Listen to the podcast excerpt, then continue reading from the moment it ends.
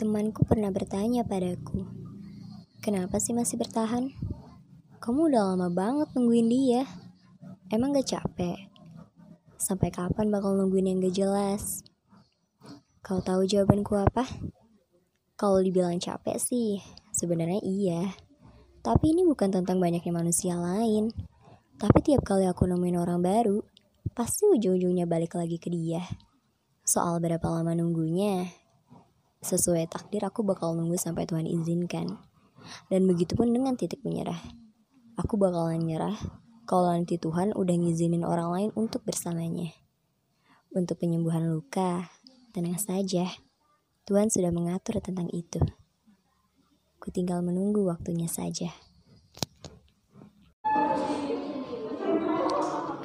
Lo nggak bakal ngerti unless you are bilingual. Being bilingual tuh salah satu hal yang paling seru di dunia. Think about it sebentar deh.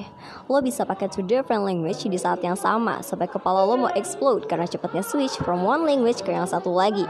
Tapi you can still understand and bikin lo ngerasa spesial banget. Makanya lo termasuk yang unik. Bahwa you can read this tanpa harus berhenti untuk nerjemahin the entire text di kepala lo, itu talent yang gak dimiliki too many people. Mayoritas orang struggle to read just one language, tapi what you are doing itu tanda kejeniusan mutlak. Bisa baca teks yang complicated into language secara bersamaan, berarti lo itu nerd and someone who finds joy dalam soal bahasa. Reading this text dalam dua bahasa pasti give your brain a nice little olahraga. Makanya, you should share it di medsos. Terima kasih in advance sudah baca ini, and have a great day. Good day. Aduh gimana